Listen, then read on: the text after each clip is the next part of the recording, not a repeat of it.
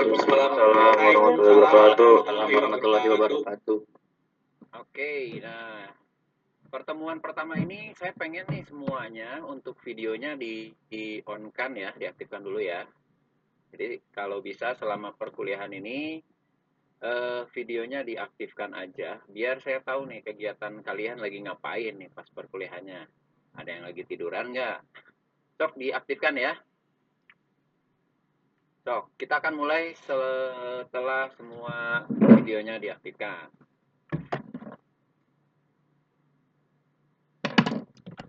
Jadi kelihatan nih yang udah mandi, ada yang belum kelihatan. Ya, ada yang belum nyisir, ketahuan.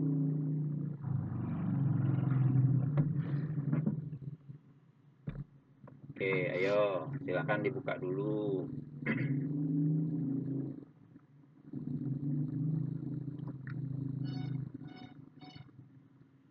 Ayo yang lain mana? Dibuka dulu. Oke, uh, yang uh, untuk slide-nya sudah di-download ya di e-learning ya. Sudah saya upload. Dan di situ ada aktivitasnya uh, di forum. Silahkan kalian untuk mengisi forumnya. Karena itu bagian dari uh, activity ya. Jadi untuk hari ini pertemuan pertama itu ada tiga activity. Uh, activity-nya kita zoom. Uh, sinkron, terus ada materi yang kalian harus download, terus ada forum yang kalian harus isi ya.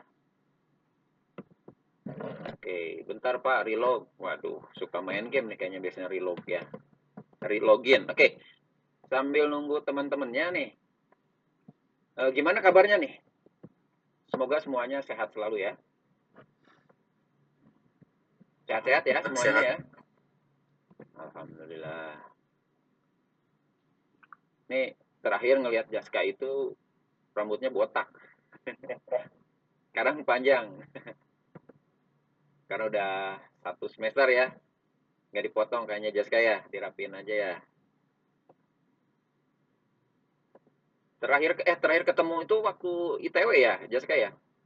Eh, ITW. Semester satu Pak. Cuma semester satu Semester satu ya? Iya. Hmm, semester satu itu masih pada botak ya. Sekarang udah pada panjang nih ya.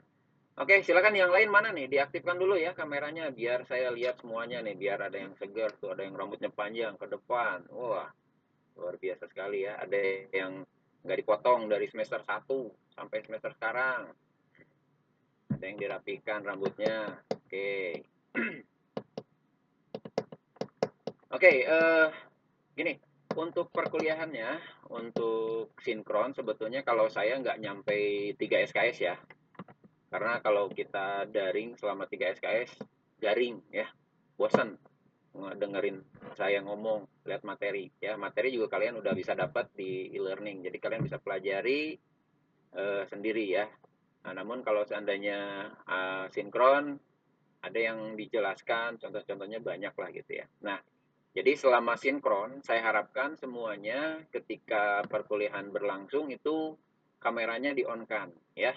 Karena kalau kalian kameranya di-off-kan, terus hanya saya yang di-on-kan, terus saya ngomong sama siapa gitu ya. Saya nggak tahu kalian itu mendengarkan atau enggak gitu ya, atau memperhatikan atau enggak. Saya juga pengennya semua diaktifkan karena biar sayanya kerasa kuliahannya perkuliahannya gitu ya walau kita nggak tatap muka tapi minimal saya bisa melihat wajah Anda Anda bisa lihat wajah saya gitu ya. Oke sok yang lain diaktifkan dulu nih Aulia terus Putri Rizky Ferry ya. Apalagi yang belum Rifki Aulia. Nah eh, di di kelas saya di kelas saya ini ada kan kita ada kampus Merdeka ya MBKM ya. Nah, kalau boleh tahu nih, eh, sebentar kemarin itu siapa ya? Ada satu orang yang nge-WhatsApp ke saya. Ada nggak masuk nggak di sini ya? Coba sebentar, saya namanya lupa. Dari jurusan apa ya? Eh, Rido ada nggak? Rido, Rido Nugraha. Ada nggak Rido Nugraha? Ada? Rido. Rido Nugraha NRP 1840 10 150 ya. ini teh dari jurusan jurusan apa? Saya lupa. Manajemen ya atau apa ya? Ya, dari dari jurusan lain ada di di kelas saya itu yang menghubungi itu ada satu orang, Rido nih. Kalau ada Rido mana? Ada nggak ya Rido ya? Rifki, Rizky nggak ada nih kayaknya ini. Ya, jadi ada dari jurusan lain yang mengambil mata kuliah pembangunan aplikasi multimedia. Itu kurang lebih ada empat orang. Untuk kelas yang lain saya belum ngecek apakah masuk di kelas saya atau enggak. Tapi yang Rido Rido Nugraha itu di kelas saya. Nah kalau ada, saya pengen bertanya-tanya nih. Tapi nggak ada kayaknya nih. Rido, Rido, Rido, Rido, Rido. Ah ya nih. Baik. Ini nggak akan dikeluarin lagi nih. Yang lain nih diaktifkan nih kameranya nih. Ferry, Rizky, Aulia, Rifki, ya. Oke, sambil mulai kita eh, eh sambil nunggu teman-temannya mengaktifkan, saya mulai dulu ya biar menghemat waktu juga ya. Baik, tapi sebelumnya sebelumnya ada yang pernah tahu nggak kira-kira pemikiran apa yang anda pikirkan di jenis eh di jenis di mata kuliah pembangunan aplikasi multimedia. Sok acungkan tangan satu orang, jangan semuanya ngomong, bingung saya. Kira-kira pendapat pendapat Anda tuh kira-kira di pembangunan aplikasi multimedia itu apa sih yang akan dipelajari? Kira-kira apa? Ada yang mau jawab nggak? Mohon maaf Pak, koneksi saya tidak stabil ketika on cam. Oke, okay. yang eh, apa namanya? Gini deh ya, mungkin saya juga eh, apa namanya kalau seandainya yang menggunakan kuota itu kan eh, kalau menggunakan kamera mungkin kuotanya terkuras lumayan tapi jangan sampai semuanya ngaku pakai data juga gitu ya. Pasti ada yang di rumah pakai wifi gitu ya. Nah kalau seandainya memang seperti itu silahkan nggak apa-apa ya. Tapi kalau seandainya yang di rumah eh, yang menggunakan wifi aktifkan webcamnya ya. Oke sok siapa? Yang ada yang mau ini nggak? Ngacu nggak nih? Kira-kira di pembangunan aplikasi multimedia itu apa sih yang akan dipelajari kira-kira nih. Nah kalau yang udah download terus yang udah baca pasti tahu. Wah download dulu lah ayo nah terus baca gitu ya. Kira-kira nih kira-kira apa nih? Ada yang mau jawab nggak? Kira-kira sok di apa diaktifkan mikrofonnya. Kira-kira nih. Kan kemarin eh, ya mungkin ya karena pandemi di Sismul itu kemarin eh, di Sismul ada ada yang kelas saya kemarin ya. Uh, setengah Soalnya semester kemarin asinkron semua ya karena kemarin memang saya ada uh, bukan kendala ya.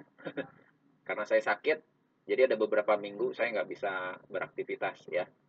Tapi walaupun seperti itu mudah-mudahan uh, ya materi yang disampaikan di e-learning bisa berguna ya. Walaupun mungkin bisa dibilang hanya sedikit ya Oke, silakan. Ada yang mau menyampaikan nggak? PAM, pembangunan aplikasi multimedia itu kira-kira belajar apa? Kalau dari judulnya kan ada pembangunan nih. Nah, kira-kira gimana nih? Sok, ada yang bisa ini nggak berkomentar? Ayo. Masa dari 33 orang nggak ada yang berani? Ayo. Kira-kira ada kira-kira aja, kira-kira apa gitu. Masa saya harus harus panggil nih satu persatu, enggak kan? Oke, kira-kira siap uh, kira-kira apa? Di PAM itu kita akan belajar apa? Kira-kira aja. Kalau kalian lihat di slide di halaman 4 itu eh di halaman 4. Di halaman 6 kalian bisa lihat di situ kita akan belajar apa aja. Ayo, ada yang mau jawab nggak? Udah dikasih tuh kisi-kisinya tuh. Ada nggak?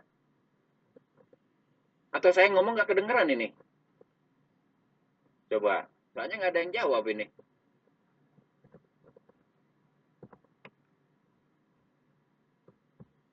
Halo? Apakah pada mendengar saya?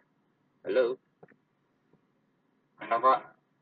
Ada. Ah kok nggak ada yang berani ngomong gitu gimana kalau di kelas saya tunjuk suruh ke depan coba sok silakan jelaskan wah apa belum baca kan gitu ya tapi kan ada duduk di depan komputer sekarang di depan komputer Anda bisa buka slide. Bahkan mungkin sambil kuliah bisa sambil main game. Karena kan nggak kelihatan. Tapi dari mata Anda nggak bisa kelihatan. Nggak bisa dibohongin.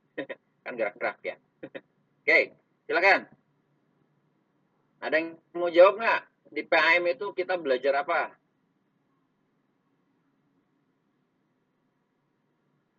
Ada nggak? Atau saya random nih, saya random pilih nih. Saya random pilih aja deh ya. Saya random pilih nih ya. Oke. Eh, NRP berapa ya?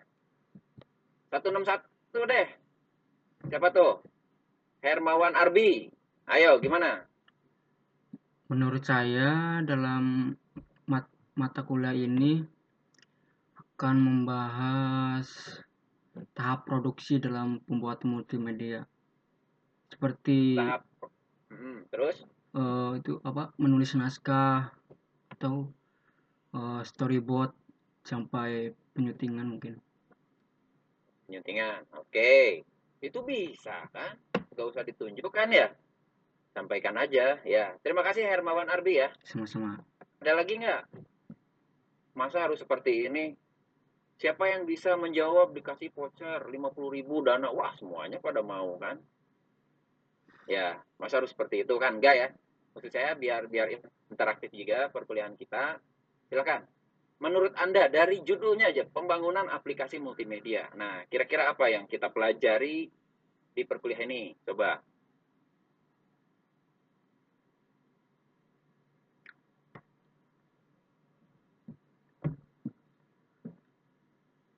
Halo, saya kedengeran nggak sih ngomong nih? Takutnya saya ini mic-nya jelek nih kayaknya nggak kedengeran. Dengeran, Pak. Kedengeran. Saya pada Nah, suaranya Pak. kenapa? Patah-patah? Iya suaranya pada patah Pak. Patah-patah biasanya karena koneksi. Kalau Busro pakai apa? Data atau WiFi? Data Pak, hotspot dari HP. Oh iya tuh. Oke sebentar ya.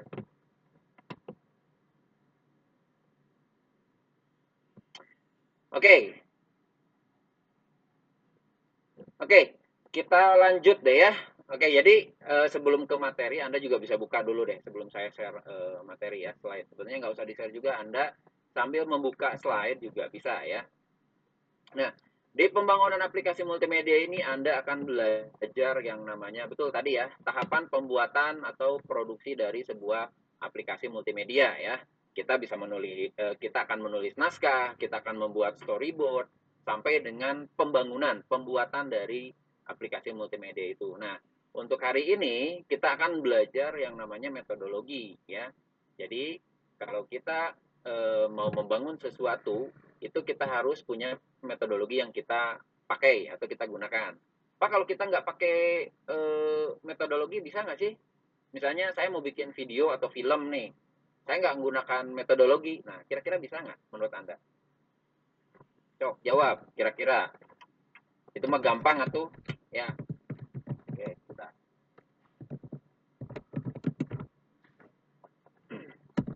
Ayo. Bisa nggak kira-kira? Bisa-bisa aja. Anda membu bisa-bisa aja. Perbedaannya apa kira-kira yang yang menggunakan metodologi dan enggak? Kira-kira. Kalau pakai metodologi mah itu lebih terstruktur, lebih itulah terurut. Kalau nggak makan semau kita aja. Jadi acak-acakan. Jadi eh, apa per perumpamaannya kayak gini, bukan perumpamaan ya, istilahnya kayak gini. Anda yang belajar dengan bisa dengan belajar, bisa karena otodidak. Nah itu ada mungkin kalau Anda lihat hasilnya pasti uh, bisa sama ya, hasilnya bisa sama. Tapi dalam prosesnya, kalau Anda lihat pernah pernah lihat ruang server nggak? Ruang server ya nggak hanya di Unpas lah ruang server di mana pun ya ya jadi eh, apa namanya eh, kalau saya mengum, mengumpamakan itu adalah ketika kita belajar membuat sebuah video dengan orang yang otodidak membuat video itu prosesnya yang akan berbeda prosesnya berbeda kayak gimana pak hasilnya anda bisa lihat mungkin bisa sama persis Tapi dalam prosesnya itu akan lebih capek yang uh, otodidak. Kenapa? Tadi betul kata Jaska, karena tidak terstruktur. Kita tidak punya dokumentasi yang lengkap dalam pembuatan videonya. Ya, pembuatan bukan hanya video lah, aplikasi atau apa pun lah kita ya. Begitupun Anda. Anda sekolah dari SD, SMP, SMA sampai dengan sekolah eh, kuliah, pasti Anda punya tujuan, punya cita-cita. Ya, punya cita-cita. Bagaimana kita menggapai cita-cita? Kita harus belajar. Kita harus eh, apa namanya mengikuti apa yang kita inginkan. Misalnya gini, anda mau jadi apa? Saya pengen jadi programmer. Berarti Anda harus sekolah di programmer. Bisa nggak kalau saya nggak sekolah tapi pengen jadi programmer? Bisa. Tapi nanti ketika Anda ngoding, kalau yang otodidak, codingannya itu bisa satu lembar HPS. Tapi ketika Anda belajar dengan e, belajar lah gitu ya, terus nanti ketika ngoding, Anda cukup tiga baris selesai untuk menyelesaikan masalah. Nah, kurang lebih seperti itu ya. Tali yang lurus dengan tali yang pakusut beda. Yang pakusut itu kan tujuannya sama, tapi prosesnya itu ngegulung banyak gitu ya, kurang lebih seperti itu. Nah, di dalam pembangunan aplikasi multimedia ini Anda akan membuat sebuah aplikasi berbasis multimedia ya. Nah, gimana itu cara membuatnya? Nah, eh, Anda kan di PAM ini nanti ada praktikum ya. Tahu nggak ada praktikum di PAM ini? Tahu nggak? Ya, di PM ini nanti Anda ada praktikum. Nanti di praktikumnya Anda akan belajar membuat sebuah e, bukan membuat sebuah ya, tapi Anda akan belajar membuat aplikasi di sana. Tapi menggunakan ada yang tahu nggak menggunakan apa kira-kira? Ayo yang bisa nebak siapa? Kira-kira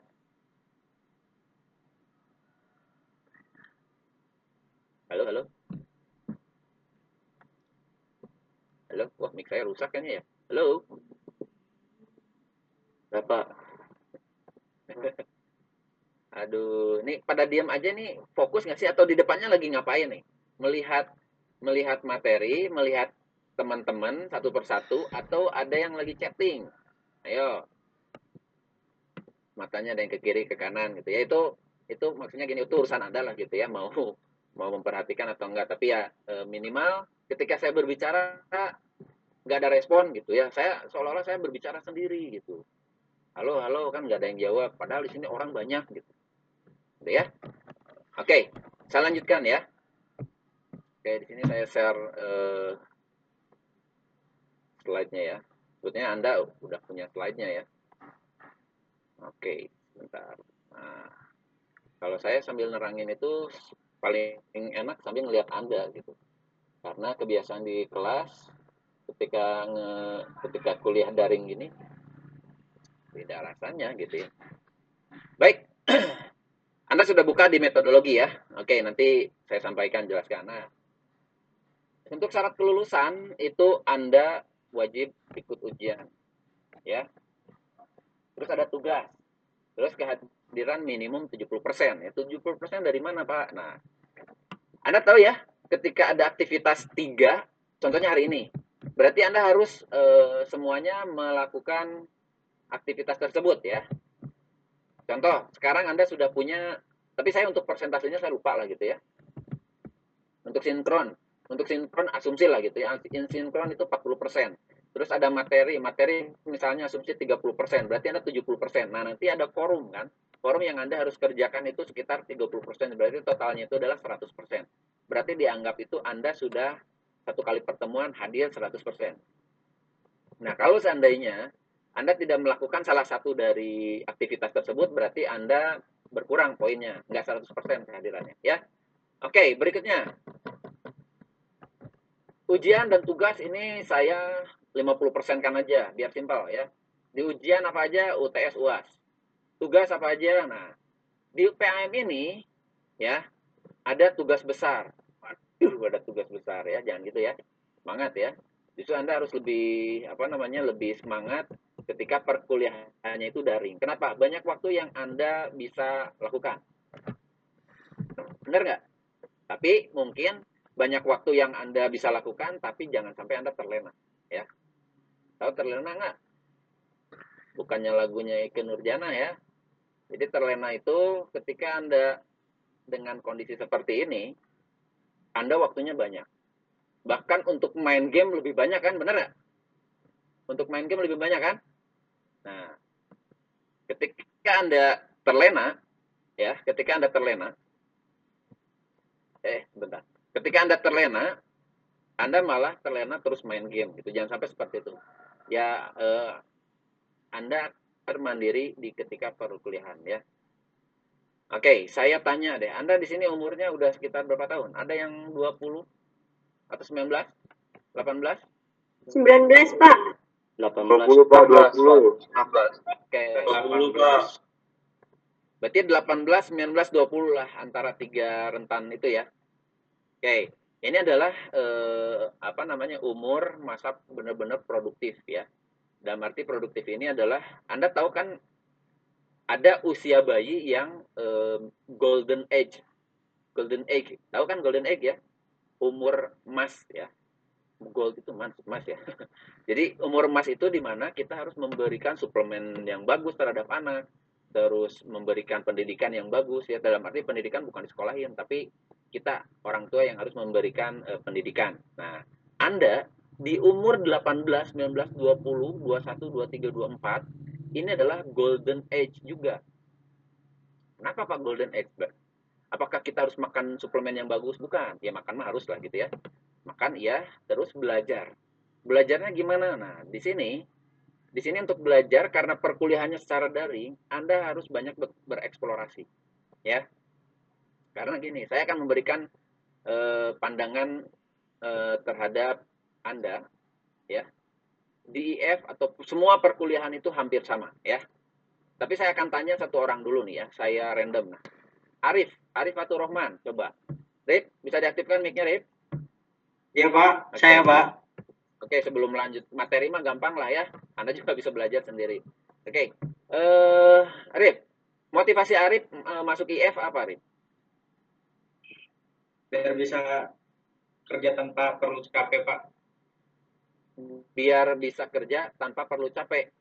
Tanpa Gimana perlu kerja mana capek, atuh, Rip. enggak maksudnya Ayo. tanpa per- tanpa tanpa perlu pakai otot gitu Pak. Biar sesuai fashion Ya. gua. Biar bi- sesu- sesuai fashion saya juga gitu. Ah, jadi bukan otot tapi otak ya yang kita gunakan. Nah, ya. gitu Pak. Iya Pak. Oke. Ya, oke. Eh, selain itu apa lagi motivasinya? Masuk IF. Mm-mm. Iya, tuh kan nanya juga masuk IF. Ya itu karena motivasinya? kayak cocok di IF Pak. Cocok. Oke. Hmm. Sudah menemukan fashionnya di mana? Fashionnya di kayaknya di belum Pak. Oke. Cuma Oke, Rip, suka edit di Blender gitu Pak. Blender. Oke, berarti di Iya. 3D ya. Oke. Iya Pak. Oke, berarti itu di bidangnya bisa di- bisa masuknya ke multimedia ya. Kalau misalnya suka Iya, game Pak. ya tetap game itu kan masuknya di multimedia juga. Oke. Terima kasih untuk Alif ya untuk penjelasannya ya. Mungkin Iya, teman-teman yang lain juga. Hmm, oke. Mungkin teman-teman lain yang lain juga banyak sekali motivasi masuk IF. Ya mungkin kalau kita contoh Alif nih, pengen bekerja tanpa capek ya. Ya sebetulnya kita semua kerja itu capek Alif ya. Yang pakai otot itu capek pegel-pegel. Yang pakai otak sebetulnya lebih capek. Lip. Ya capeknya apa? Bisa lebih lama capeknya Lip. Pikiran soalnya itu ya. Ketika mentok, nah itu kita harus harus apa namanya ngagolakeun otak kita biar menemukan solusinya gimana ya masing-masing punya kelebihan dan kekurangan tapi enaknya di IF itu anda bisa lihat contoh-contoh kakak kelas anda yang sudah sukses ya eh, atau kakak kelas saya ya kakak kelas anda juga ya mungkin eh, di pernah di beberapa talk show sebelumnya kalau nonton di talk show eh, IF itu ada Kang Fares. Tahu nggak Kang Fares? Ada yang tahu nggak Kang Fares? Kang Fares itu angkatan 97 kalau salah. Saya lupa 97 atau 98 gitu ya. Beliau itu kan bekerjanya hanya di rumah ya. Beliau expert di bidang UI dan UX cuman ya gitu menurut Alif kan nggak capek ya memang nggak capek. Tapi kreativitas kita yang harus ditinggikan. Nggak capeknya karena kita suka dengan eh, pekerjaan kita. Terus eh, semua pekerjaan yang kita suka ya kita bisa mengerjakannya. Itu akan terasa lebih mudah dan tidak capek sama sekali. Bahkan nggak tidur sama sekali pun dianggapnya nggak capek. Karena sudah e, menikmati kita e, pekerjaan ya. Oke, nah kalau untuk teman-teman yang lain misalnya motivasinya saya pengen jadi seorang e, analisis misalnya. Banyak lah sebetulnya kalau di EF ya mau jadi programmer silakan jadi e, admin jaringan, admin database banyak sekali. Contoh kak, kak kelas yang lain Anda itu bahkan ada yang punya software host. Software host itu sebuah perusahaan di mana e, karyawannya itu adalah adik kelasnya. Teman saya, eh, adik saya, adik kelas saya itu Kang Yudi ya, kalau tahu ya Kang Yudi, itu eh, dia mem memper mempekerjakan adik kelasnya. Contohnya misalnya di sini misalnya Alif ya, eh, udah lulus. Nah ini kan Alif itu punya teman tuh, ada Iis, ada Kevin, ada Muhammad Iqbal, Muhammad Fawad dan sebagainya. Ya udah, tarik aja teman-teman yang terdekat. Alangkah lebih bagusnya seperti itu. Kenapa? Komunikasi kitanya lebih mudah. Dan teman-teman kita dengan kita kerja, mereka pasti agak sedikit segan lah gitu ya, atau saling menghargai gitu ya. Oke, lanjut dulu ya. Oke, di sini ada kompetensi, uh, kompetensi ya. Jadi uh, nanti mampu menjelaskan setiap media, karakteristik, perangkat lunak, eh, perangkat pendukung, konsep programat, pemrograman, sorry, dan standar multimedia. Berikutnya mampu menunjukkan kegunaan dari analisis informasi berbasis konten dalam konteks konteks sistem informasi multimedia. Berikutnya mampu merancang dan mengimplementasikan, ya. Jadi nanti kita akan belajar dari membuat tadi itu siapa? E, membuat naskah. Dari naskah kita bikin storyboard, dari storyboard baru kita implementasikan ke dalam sebuah e, aplikasi, ya. Misalnya tadi Alif itu suka bikin animasi e, atau apa bentuk-bentuk 3D. Mungkin untuk saat ini Alif suka bentuk apa? Misalnya saya bentuk e, atau e, apa monster gitu ya. Bikin lah. Tapi kan e, belajar sih nggak apa-apa kayak gitu ya. Secara teknis belajar seperti itu. Nah nanti setelah anda belajar bukan hanya di PAM, anda akan belajar sistem informasi juga, ya. Ada proses bisnis dan sebagainya. Anda akan belajar dari situ. Anda akan bikin dokumentasi lengkap dokumentasi lengkap itu bukan help ya, tapi e, proses pembuatan aplikasi dari dari desain. Eh, kalau kita nanti kan bikin aplikasi ya, dari e, ada apa namanya, ada naskah, terus bikin storyboard. Nah dari storyboard kita implementasikan sampai ke dalam pembuatan aplikasinya. Oke. Okay. Berikutnya, nah ini yang tadi saya tanya nih di PM kita belajar apa aja. Nah Anda bisa lihat di sini ya. Yang pertama kita akan belajar metodologi. Walaupun di sini metodologinya bisa dibilang saya menyampaikan tidak terlalu dalam ya, karena kalau memang memperdalam itu Anda cukup eh cukup tidak cukup dalam satu semester ya. Kita belajar sambil mencoba ya. Kalau nggak kayak gitu bingung. Nanti juga Anda akan paham sendiri. Ketika Anda misalnya di teman-teman di sini dari berapa orang nih? 34 orang eh, ada yang mengambil multimedia pembuatan aplikasi. Nah, nanti anda menggunakan metodologinya apa? Contoh nanti misalnya nanti di sini ada tiga metodologi yang akan digunakan. Salah satunya akan digunakan. Nah nanti Anda akan lebih e, memperdalam dari metodologi tersebut, ya.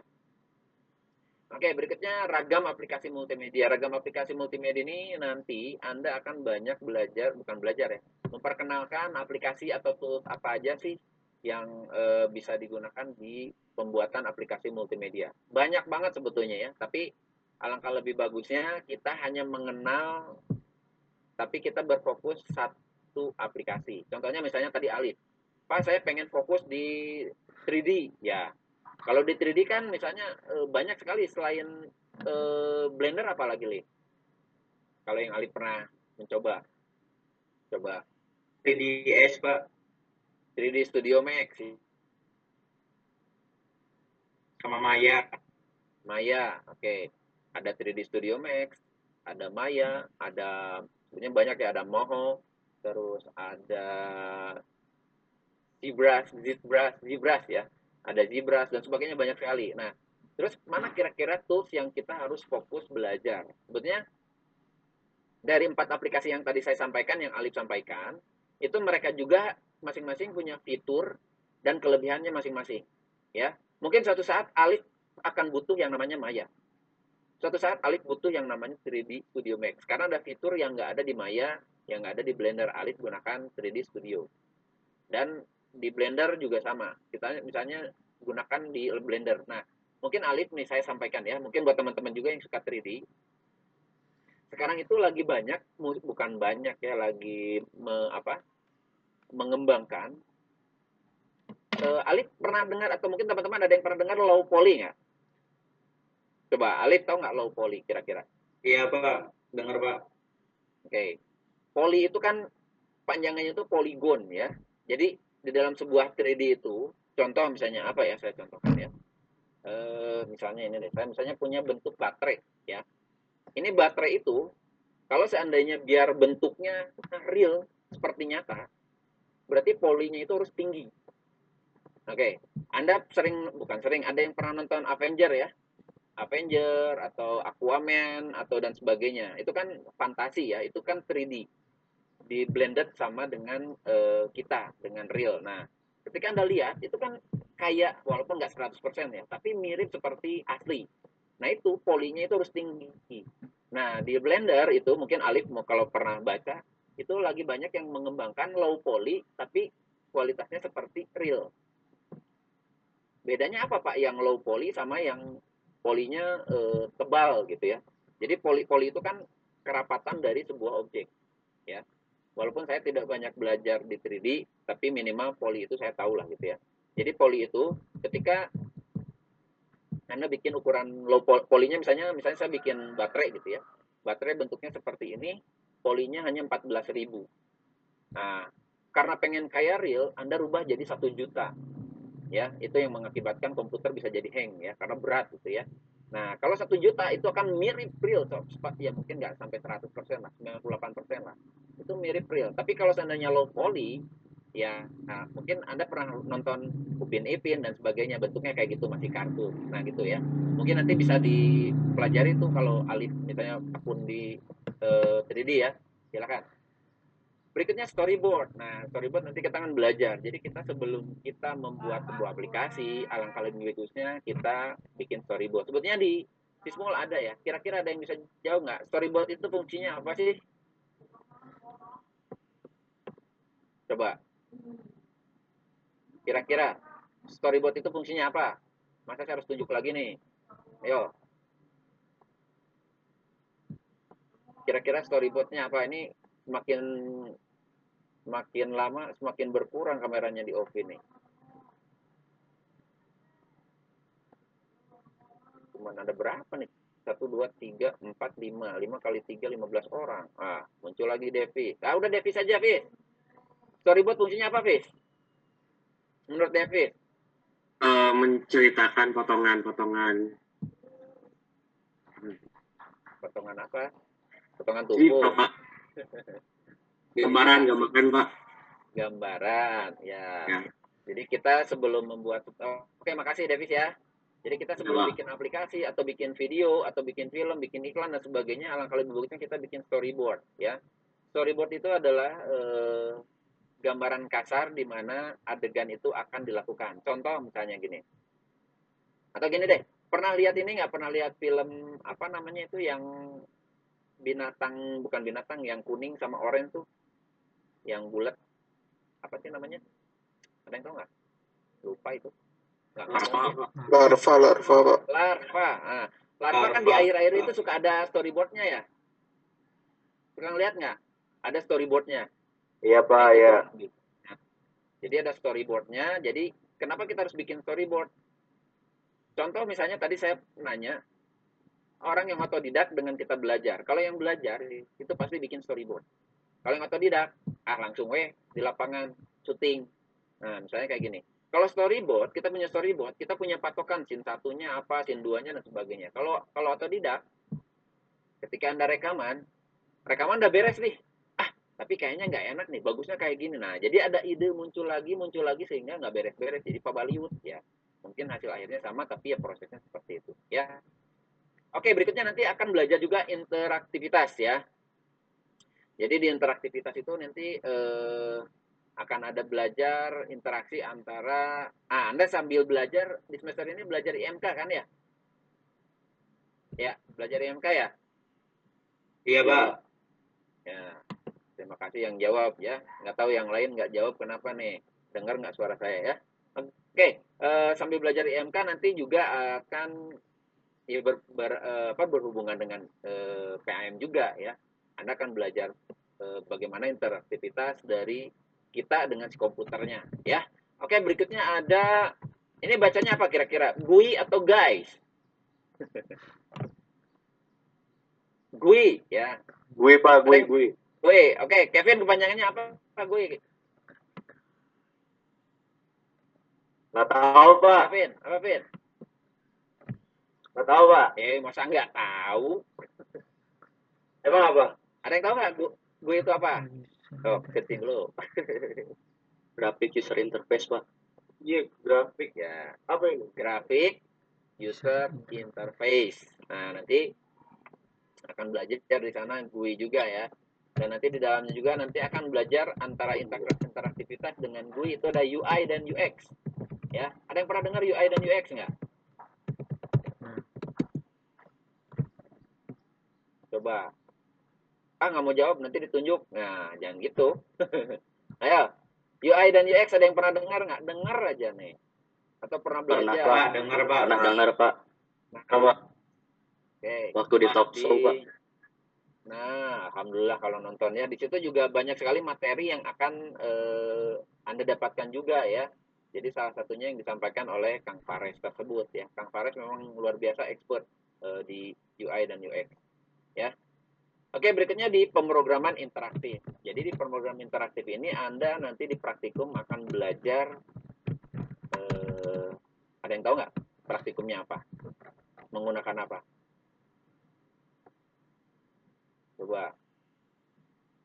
Kan nggak mungkin kayak gini. Siapa yang bisa nebak nilainya langsung A? Nggak mungkin kan? Wah, langsung pemboro-boro kalau gitu. Ya.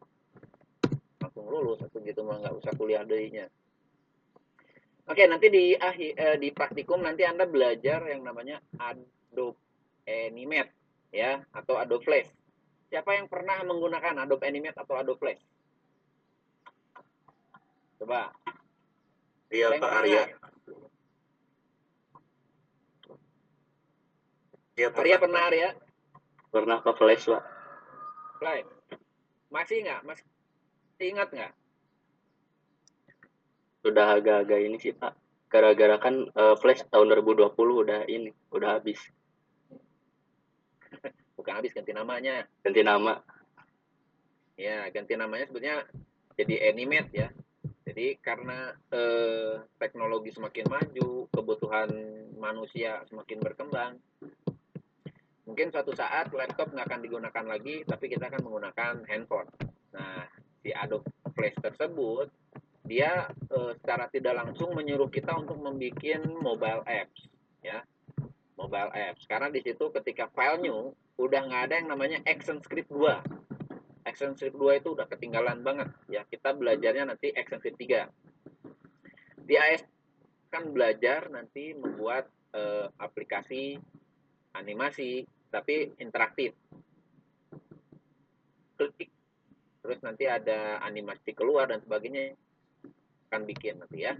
Dan eh, kisi-kisinya di tugas besarnya Anda akan membuat aplikasi kurang lebih seperti itu ya eh, ada yang pernah lihat ini nggak aplikasi interaktif buat anak SD? Ada yang pernah lihat nggak?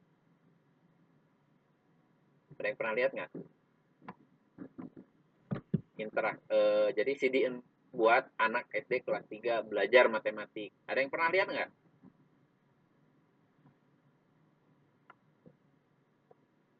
Tuh kan diam lagi. Pernah tahu doang pak paling mah.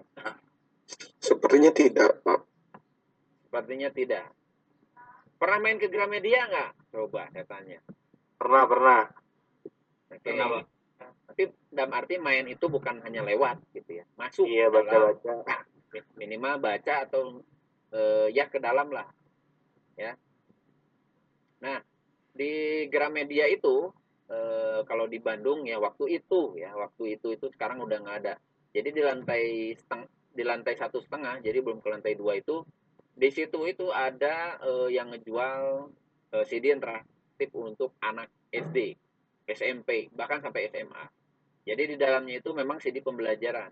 Jadi ketika Anda mau belajar apa, Nah, di dalamnya nanti akan ada materinya, terus kita juga ada latihannya juga seperti itu kurang lebih ya. Nah, nanti kurang lebih Anda juga akan membuat yang seperti itu ya. Oke, saya lewat dulu deh, langsung ke sini ya.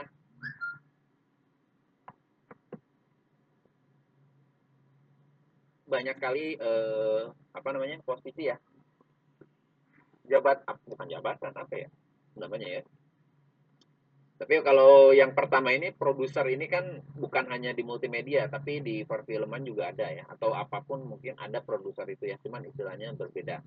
Terus di situ ada multimedia designer ada subject matter expert ada programmer ada instructional design ada scriptwriter computer graphic audio and video spesialis terus dan ada webmaster. Nah jadi sebetulnya masih banyak ya kalau di bidang multimedia itu ya.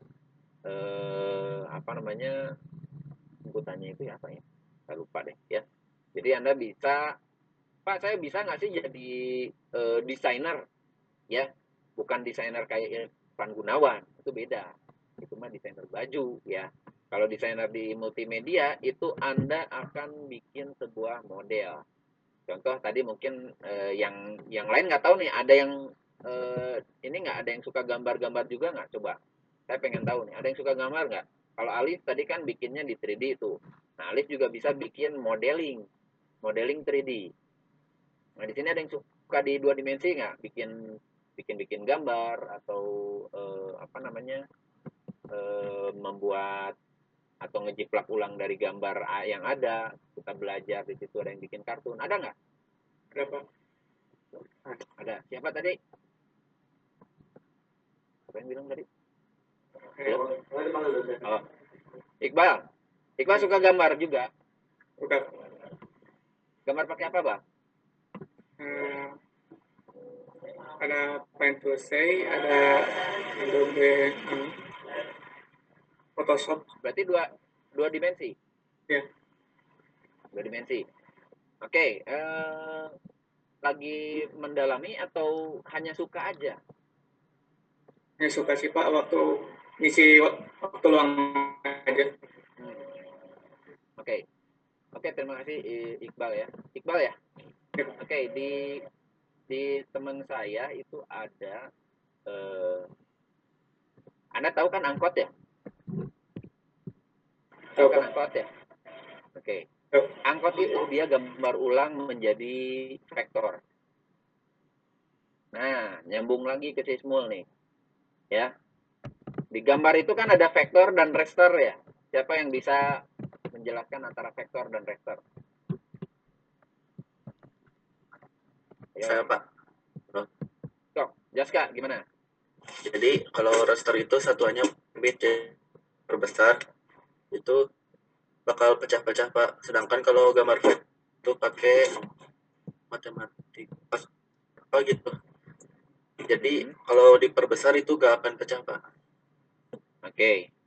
Tahu nggak aplikasinya apa aja kalau uh, raster editornya? Kalau buat raster itu Photoshop, GIMP sama ada lagi banyak lah. Banyak toolsnya. Hmm. Terus kalau Paper, Adobe Adobe Illustrator, terus Inkscape sama yang lainnya ada pak. Itu okay. pak. Oke. Okay. Terima kasih Yaska ya. Betul ya. Nah nanti uh, kita mau fokusnya di mana nih? Mau di vektor atau raster? Pak, beda yang intinya apa sih di vektor dan raster? Ya, kalau kita lihat secara fisik gitu ya, secara uh, visual, yang membedakan antara raster dengan vektor, kalau raster itu gambar gambarnya nyata lah kurang lebih kurang lebih seperti itu ya. Tapi kalau raster, eh, kalau vektor itu gambarnya kartun. Tapi bisa nggak sih gambar asli atau gambar nyata di, di raster kan? Bisa. Nah, itu ada konsepnya. Apa namanya konsepnya itu? Caranya itu apa namanya? Ada yang tahu nggak? Jadi gambar misalnya gini. Foto fotonya Jaska misalnya ya dijadikan sebuah e, gambar tapi jadi kartun. Nah, itu namanya apa? Ada yang tahu nggak? Tekniknya apa itu? Vektor art, Vektor art eh, kalau bukan bukan. Ada lagi. Ya sebetulnya bilangnya itu ya cuman ada tekniknya itu adalah tracing ya. Yang pernah dengar nggak tracing? Jadi foto kita di trace dulu. Dari situ kita masuk uh, di trace-nya di uh, AI ya. Ya mungkin istilahnya banyak lah ada yang bilang thresholding uh, trace gitu ya. Trace uh, trace terus dari situ nanti kita warnain uh, manual ya. Kurang lebih seperti itu. Oke. okay. Nah tadi ya balik lagi misalnya Pak saya mau jadi uh, apa namanya modeling. Ya uh, desainer. Nah desainer itu ada banyak ya. Kalian mau bikin apa? Web design bisa. Ya itu bisa dibilang dengan desainer. Web design bisa. Uh, 3D art bisa. Uh, dua dimensi juga bisa ya. Atau animasi juga bisa ya. Itu banyak sekali ya. Oke okay, di sini untuk job desk-nya uh, saya skip aja ya. Oke di mana metodologi ini ya? Bentar. Kayaknya kepotong ini. Mungkin nanti untuk slide-nya saya kasih lagi. Ini kayaknya kepotong ini ya. Karena nggak ada judulnya metodologi tapi di dalamnya nggak ada metodologinya. Ya. Ini slide-nya gimana ya? Aneh kok nggak ada gitu ya? Oke nanti mungkin slide-nya saya akan kasih. Jadi eh, yang paling banyak digunakan metodologi itu adalah MDLC ya MDLC ada yang tahu nggak kepanjangannya apa M-nya itu adalah multimedia D-nya itu development L-nya itu life, C-nya cycle. Jadi multimedia development life cycle ya. Kalau Anda cari di internet nanti ada gambaran bulat ya. Aduh, sorry ini saya nggak ada ya. Bentar. Yang di learning ada ada Pak. Kok yang saya nggak ada di sini ya? Kayaknya Bapak salah ini deh Pak. Salah. Oke, oke. Coba saya buka salah yang file Coba coba. Oh iya iya iya. iya. Oke salah file ya.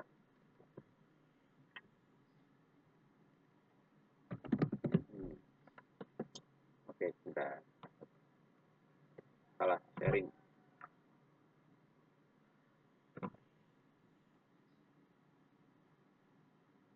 Nah, ini ya. Oke. Nah, ada MDLC ya. Nah, ini yang sering digunakan oleh kakak kelas Anda buat membangun, membuat sebuah aplikasi multimedia ya. Yang terakhir dengan saya itu membuat aplikasinya game. Tapi gamenya nggak game yang ini ya, nggak game yang 3D kayak gitu. Tapi game game tapi dia lebih banyaknya di konsepnya ya. Jadi ke Anda tugas akhir ya saya saranin dari sini. Kalau misalnya ada yang ambil khususnya multimedia tapi kan bukan berarti multimedia aja anda jangan terlalu mentok di aplikasi ya. Kenapa pak? Kan judulnya misalnya pembuatan aplikasi A misalnya. Sekarang gini ya banyak sekali kakak anda yang eh, bukan terjebak ya mentok di aplikasi sampai dengan nggak bisa sidang dan sebagainya. Saya tanya gini mentoknya di mana ini pak nggak jalan-jalan error laporannya gimana nah laporannya terbengkalai pak saya belum beres aplikasinya nah sekarang saya tanya bikin aplikasinya berdasarkan dokumentasi atau bikin aplik bikin dokumentasi berdasarkan aplikasi. Nah, menurut Anda apa? Mana yang harus seharusnya? Bikin dokumentasi berdasarkan aplikasi atau bikin aplikasi berdasarkan dokumentasi? Harusnya yang mana? Menurut Anda yang mana? Aplikasi berdasarkan dokumentasi Pak. Kenapa ngomongnya pelan-pelan? Yang kenceng aja. Oke.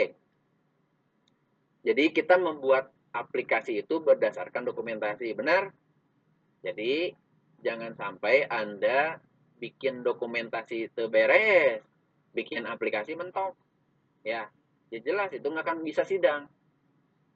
Ya, jadi saran saya sambil belajar, walaupun kita kadang-kadang gatel ya, kadang-kadang gatel bikin bikin bikin aplikasi ya kita sambil belajar nggak masalah.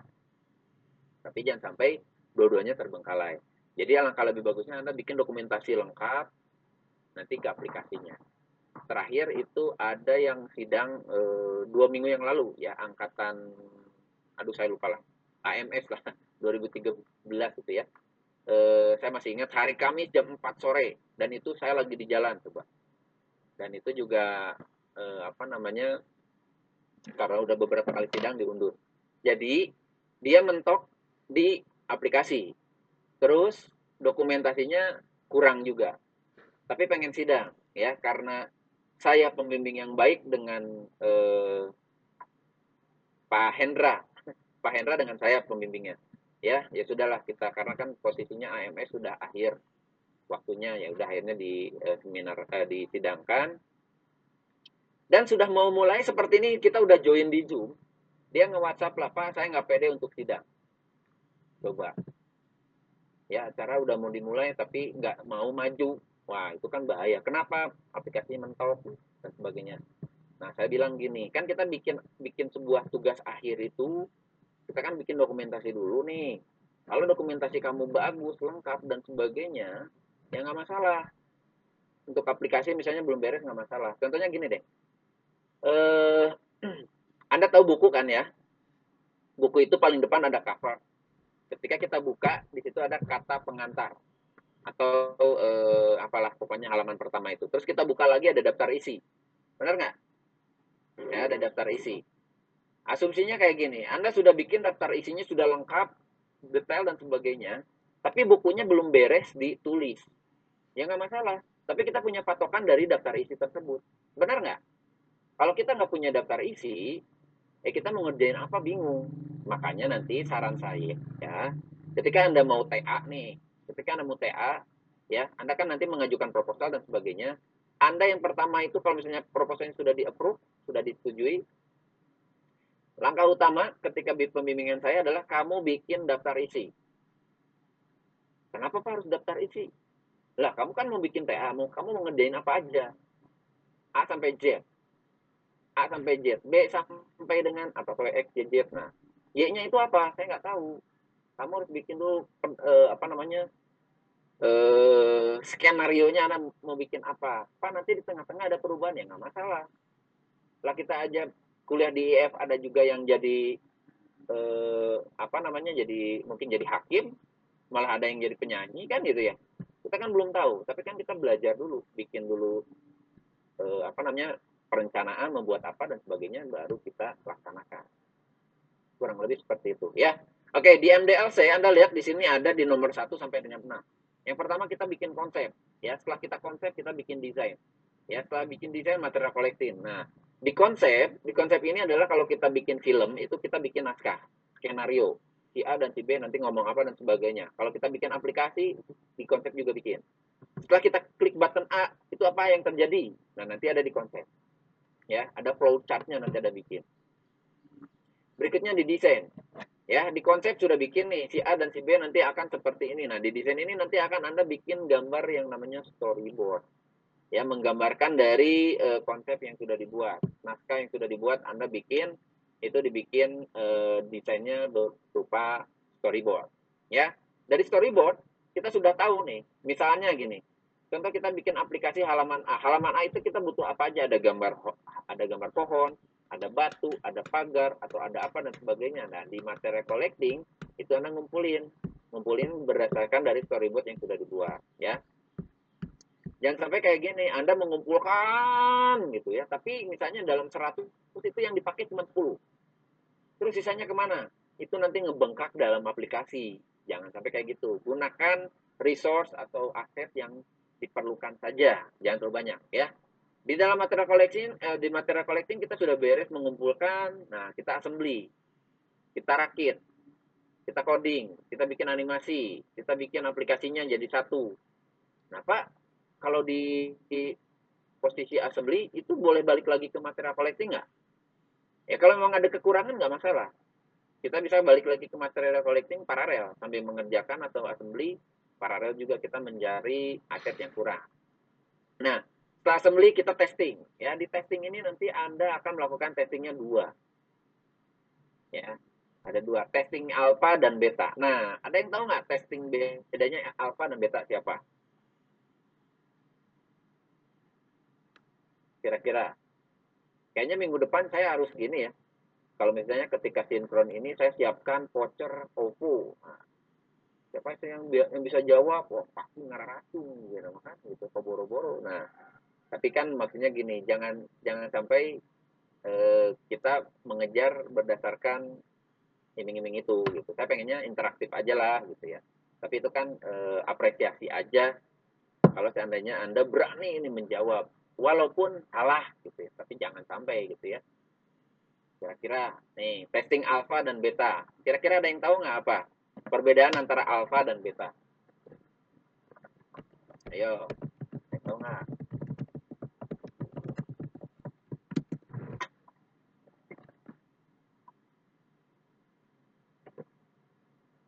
Ayo. Tuh kan diem lagi, sayangnya kedenger, nggak kedengeran Pak kan? izin menjawab. Oh boleh, siapa? Sania ya. Eh, kalau Boleh. alpha testing itu pengujiannya dilakukan sama pembuatnya.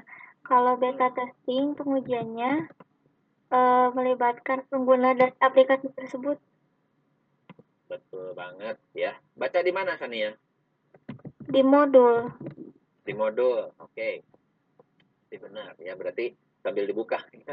Nah yang lain nggak tahu nih buka atau lagi chatting sama orang nih kayaknya. Soalnya matanya dan se- bibirnya senyum-senyum sendiri gitu ya.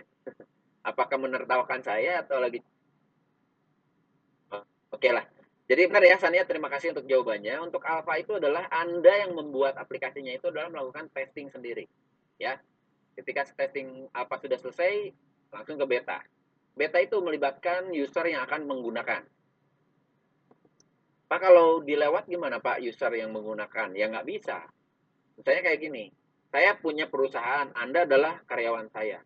Ya, saya tolong bikinin aplikasi A kayak gini, selesai. Beres, langsung di deliver ke konsumen saya kan nggak bisa. Saya harus ngecek dulu gimana keinginan saya bener nggak, gitu ya dan sebagainya. Nah, itu ya. Jadi alpha itu eh, tim yang membuat, beta itu adalah user yang melakukan testingnya, kurang lebih seperti itu. Kalau sudah alpha dan beta sudah selesai, barulah kita didistribusikan, ya. Mungkin ada yang suka main game di sini yang demo nggak? Ada yang pernah main game demo? Atau versi beta tester? Ada nggak? Apa? Nah, Alif nih. Main apa Alif waktu itu, Alif? Main PES Pak, yang versi demo. Oke. Nah, kan kalau demo itu kita gratis. Kita itu sengaja Iya. Melempar ke publik. Nah, walaupun misalnya anggaplah yang main itu anggaplah paling kecil 10. Mungkin dari 10 yang melakukan feedback, tahu kan feedback ya? Ketika ada error dan sebagainya melakukan feedback, dari 10 misalnya ada 6. Nah, nanti dari 6 ini mereka akan melakukan pengecekan terhadap apa yang diinformasikan atau feedback tersebut. Seperti itu ya. Makanya kan banyak game demo kurang lebih seperti itu. Dia membutuhkan feedback dari user yang akan Oke, hanya silakan di modul itu ada, Anda tinggal eh, baca ya. Oke, Anda perhatikan di angka 6 ya atau di distribusi kok ada panah lagi ke konsep. Nah, ada yang bisa jawab nggak? Kenapa Pak kan udah distribusi, kenapa stop di, nggak di stop di situ kok balik lagi di konsep gitu? Ada yang tahu nggak? Kira-kira? Ayo, walaupun makin berkurang nih yang mematikan kamera. Nah, apakah nanti saya bikin voucher juga gitu? Yang membuka kamera bertahan sampai akhir dikasih voucher gitu kan nggak mungkin juga. Saya rugi nanti ya. Satu orang 50 ribu di sini ada 30 orang. Waduh sehari saya harus mengeluarkan juta setengah ampun. Ya nggak mu- mungkin ya. Maksud saya biar enak saya bisa melihatnya kecuali memang tadi ya kalau memang datanya ya kalau memang itulah saya juga memahami gitu ya kecuali ada yang pakai wifi alangkah lebih baiknya ya silahkan di on kan ayo siapa yang bisa jawab antara distribusi ke konsep kenapa ada panahnya? Tidak ada di modul ini mah. Tapi coba kira-kira pemahaman anda apa? Ah saya panggil aja deh. Coba di sini yang me, me- apa ya alhamdulillah nih yang yang mengaktifkan kamera ya. Coba Arya. Ini Arya ini kayaknya wajahnya paling rupawan ya karena namanya Iya, Pak. rupawan ya coba ya kira-kira apa ya menurut Arya ya dari distribusi kok ada panah lagi ke konsep ya mungkin pas setelah didistribusikan ada apa kayak feedback tadi pak Jadi eh, si pembuatnya itu memikirkan lagi konsep. Asumsinya gini ya, asumsinya distribusi ini sudah selesai tahapan testing. Oh, Udah nggak ada feedback Udah. lagi. Ya feedback ada, tapi kan mungkin itu hanya untuk masukan lah kira-kira. Apa? Kira-kira nih. hmm, untuk pembuatan aplikasi yang selanjutnya mungkin Mbak Pembuatan konsep aplikasi yang selanjutnya, dalam arti pembuatan aplikasi selanjutnya itu yang berbeda atau yang sama? dengan konsep yang mungkin sedikit berbeda. Oke. Oke. Eh kurang tepat. Tapi ya menuju ke sana lah. Oke, terima kasih Arya ya. Jadi eh, menurut Arya tadi eh, untuk membuat aplikasi selanjutnya, ya. Bisa saja seperti itu. Berarti kan itu sebuah konsep yang berbeda jadinya. Nah, kenapa didistribusi ke konsep itu ada panahnya? Contoh gini deh. Eh, apa ya? Ini contohkan karena di saya banyak sekali ini handphone misalnya ya. Anda tahu handphone ya? Eh, handphone, iPhone tahu ya? Siapa yang nggak tahu iPhone? Saya Pak. nggak tahu iPhone? Saya nggak tahu Pak. Ini ada ada dua iPhone, bukan buat hadiah ya. Ini saya cuma menunjukkan aja. Waduh.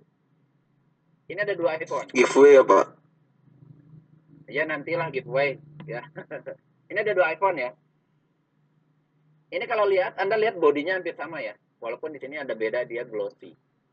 Ya. Kameranya sama nggak? Apa Pak? Apa sama? Sama ya. Saya balikin. Layarnya sama nggak? Saya flip deh ya yang ini ya. Sama Pak, sama sama. Sama Pak. Beda Sama, Pak, Pak. satunya sama, hidup Pak. sama. Oh iya, jangan jangan dibilang itu kalau itu memang hidup. Ini ada baterainya ya. Maksudnya gini, dari desain, ukuran, layar dan sebagainya ini sama, ya. Tapi yang berbeda apa? Misalnya di sini ini iPhone 7, terus ini iPhone 8 ya. Yang membedakan adalah di dia glossy. Terus yang berikutnya kalau ukuran layar sama, tapi warnanya beda di dia itu gray. Kalau ini kan black eh, hitam ya. Nah, kira-kira apa nih? Ini kan bentuknya sama ya. Tapi ini beda. Ini generasinya, ini adiknya, ini kakaknya. Ya. Nah, kira-kira apa? Kenapa dari dari distribusi itu balik lagi ke konsep? Kalau Anda lihat dari sini. Contohnya. Memperbaiki Pak. Ayo. Menyempurnakan. Update. Mengupgrade Berkembang Pak. Berkembang. Tambah fitur Pak. Nah, itu. Pengembangan Pak. Ah, Pengembangan. betul. Pengembangan. Oke, ya. Jadi pengembangan dari eh, iPhone 7 ke 8. Pengembangannya apa? Ini. Antara eh, body, mungkin warnanya dia berubah. Tapi konsepnya kita gunakan yang sama. Betul tadi kata Arya ya. Konsepnya sama, tapi kita pengembangan. Pengembangan yang lain. Sesuai kebutuhan. Tapi berbeda sekali ketika kita melihat mungkin generasi iPhone yang baru ya. Nggak usah ditunjukin lah. Ya. Jadi di yang generasi yang baru itu layarnya udah full. Ya. Contohnya kayak gini. Ini udah full. nih. Oke. Nah ini ya. Bukannya sombong ya. Ini cuma Coba lihat, Pak. aja. Cuma jumawa aja ya Pak. Ya, jangan terserah mau menilainya apalah. Ya. Kayak yang, yang baru bukan yang baru. Ini kan yang lama ya. Ini iPhone iPhone 8. Ternyata di iPhone 8 itu ada iPhone 8 Plus. Terus ada iPhone berapa lagi? iPhone 10 ya, iPhone XR. Terus ada iPhone yang pokoknya yang layarnya full kayak gini. Terus apalagi yang ada lah ya layarnya full. Nah, layar fullnya ini kan sekarang banyak ya. Ada kalau yang sekarang kan ada 12 Pro Pro Max, ada 12 Pro, ada 12 12 aja, 12 mini. Aduh, ada empat generasi ya. Nah, itu kan kalau Anda lihat desainnya sama, kotak seperti iPhone 5 kalau yang pernah pakai iPhone ya. Tapi yang membedakan apa? Ukuran, spek dan sebagainya. Jadi Anda mengembangkan dari konsep yang sudah ada tanpa harus mengkonsep ulang. Benar nggak? Itu namanya mengembangkan dari konsep yang sudah ada, ya. Bukan kita membuat desain baru, ya, tapi mengembangkan. Ya, kurang lebih seperti itu ya. Oke, kita lanjut, ya. Mungkin untuk detailnya silakan Anda baca di deskripsi ya. Saya lanjut ke eh, yang berikutnya development methodology for interactive and online product for e- education and training. Nah, yang ini lebih kompleks ya. Tapi kalau Anda perhatikan, kalau Anda perhatikan metodologi ini hampir sama sebetulnya sama MDLC.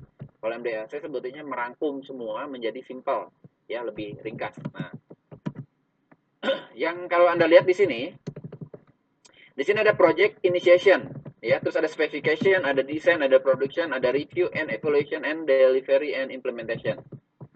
Kalau Anda lihat, ini hampir sama seperti proses dari CMDLC. Yang membedakan apa? Proses di dalamnya setiap eh, tahapan, ya. Proses kan Pak? Oh iya, bahasa Indonesia dan Inggris bisa bedakan aja lah. Nah, misalnya tahapan pertama sini ada project initiation. Nah, Anda bisa lihat. Ya. Eh, proses-prosesnya banyak banget di sini ya sampai di sini berhubungan dengan uh, yang review and evaluation ya. Ini sebetulnya ini lebih kompleks ya. Contohnya gini deh. Uh, anda pernah bela ah, bukan belajar ya. Uh, mungkin di e-learning deh e-learning kita ya. Di e-learning kita itu saya nggak tahu ya apa menggunakan uh, metodologinya. Apa kan banyak ya metodologinya. Ada yang menggunakan mungkin ada ini tapi kayaknya yang e kita enggak. Tapi cara cara konsepnya hampir sama seperti ini. Kalau kalian di flashback gitu ya prosesnya terus kalian di reverse lah gitu ya di reverse. Ah di project initiation ada nih. Prosesnya misalnya situ ada project plan. Nah itu ada juga di situ ya. Jadi intinya semua metodologi itu hampir sama cuman prosesnya yang berbeda. Ada yang lebih simpel ada yang lebih banyak ya Ya kurang lebih seperti ini untuk penjelasan dari ini sebetulnya panjang banget ya. Tapi pada intinya eh, di yang Maya 1, 2, 3, 4, 5, 6 yang membedakan adalah proses di dalamnya. Berikutnya di sini ada application development ya. Nah, kalau di sini tahapannya cuma dua, ada desain dan production. Cuman itu aja. Anda lihat di dalamnya, di desain di situ ada navigasi, ada interactivity, ada konten, ada estetik ya, estetik, estetik ya, ada estetik, terus ada reproduction, itu ada konten dan estetik. Tapi yang membedakan adalah apa coba yang membedakan? Kira-kira? Ada yang tahu yang membedakan apa enggak? Ada yang tahu nggak membedakan apa itu? Uh. Apa ngelag? Eh. Oke. Okay. Kalau lihat tahapannya hampir sama ya. Yang membedakan itu adalah Oke. Okay. Di situ di integration kalau di tahapan pertama ya di integration dia sendiri. Sedangkan di di dalam uh, produksi itu inter, integration itu ada interaktifnya dan navigasi di dalamnya. Sedangkan kalau navigasi di desain itu di awal, ya kurang lebih seperti itu. Jadi pada intinya di situ adalah tahapan produksi atau assembly-nya ada di dalam di situ, ya. Oke. Yang berikutnya ada ragam aplikasi multimedia. Sebetulnya ragam aplikasi multimedia ini Anda bisa cari sendirilah di internet sudah banyak ya. Mungkin tadi sebagian ada yang disebutkan oleh teman Anda tadi ya. Ada Adobe Photoshop yang tadi Jessica bilang ya, ada Photoshop, ada AI, ada in incap terus ada gin dan sebagainya. Bukan game ya gin GMP ya. Dan banyak sekali ya. Nah jadi untuk aplikasi di sini saya hanya sampaikan di sini ada kategori-kategorinya. Yang pertama ada musik ada digital audio ya.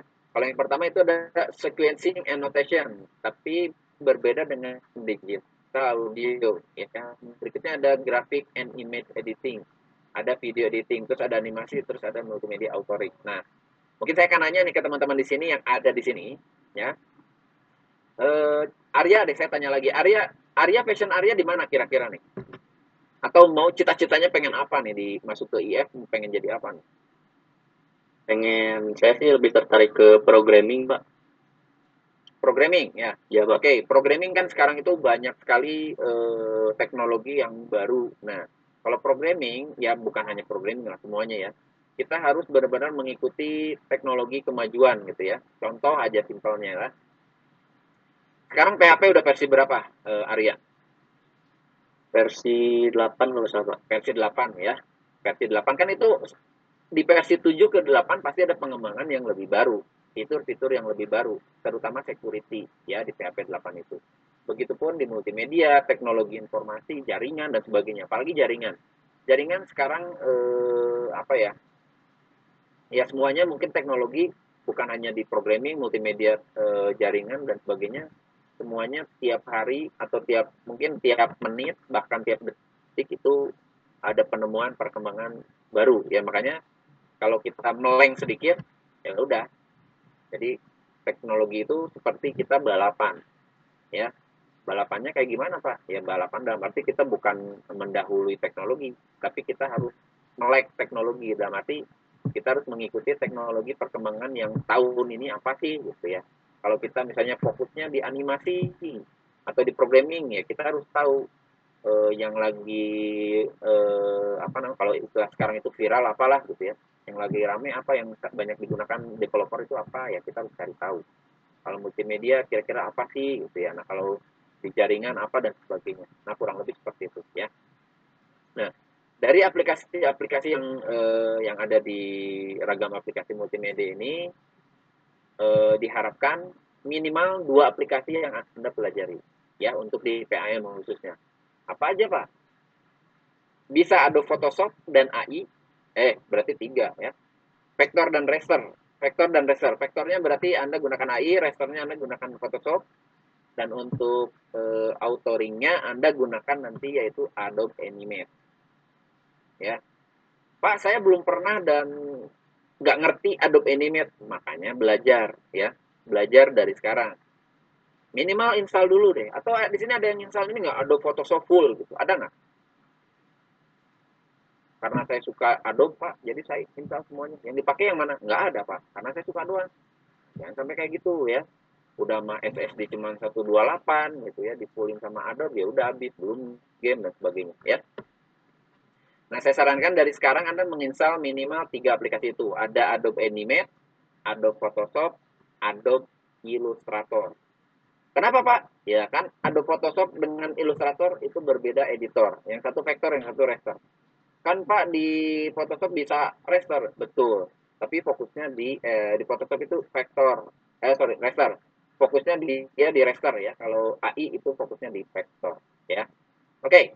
Nah dari sekarang tolong diinstal minimal tiga aplikasi itu untuk persiapan nanti anda praktikum ya kalau bisa dibuka dipelajari bukan dibuka aja pusing di close lagi gitu ya jangan sampai kayak gitu buka Coba dilihat environment-nya, lingkungan-lingkungannya, menunya, dan sebagainya. Dari situ Anda coba-coba dan sebagainya. Ya, mungkin kalau Arya pernah mencoba Adobe Flash, nah Adobe Animate sedikit berbeda, tapi sama. Ya, berbedanya apa? Ya mungkin kalau Arya lihat, kalau Flash dulu kayak gini, tapi kan tetap sama. Di Adobe Flash dan Animate ada yang namanya timeline. Karena kita membuat animasi itu fokusnya di timeline. Ya uh, misalnya kalau Alif pengen berfokus di 3D animation tetap akan belajar di yang namanya timeline. Karena kan untuk animasi itu frame by frame. Ya kurang lebih seperti itu. So ada yang ditanyakan dulu nggak untuk tentang uh, metodologi itu semakin berkurang lagi yang menutup kameranya entah itu ngantuk atau entah ke air entah itu nunutan atau apa saya nggak tahu ya kalau di kelas nunutan bisa saya tunjuk. Kalau di sini saya nggak tahu karena ditutup mukanya ya. Oke, okay. so silakan. Ada yang mau ditanyakan nggak? Pak izin bertanya. Ya, gimana? LT ya. Pak, tugas besarnya kelompok apa individu, Pak? Oke, okay. untuk tugas besarnya sebetulnya tadi ada di slide tadi. Jadi hari ini, eh, sebentar ya, slide tadi mana ya? Ini ya.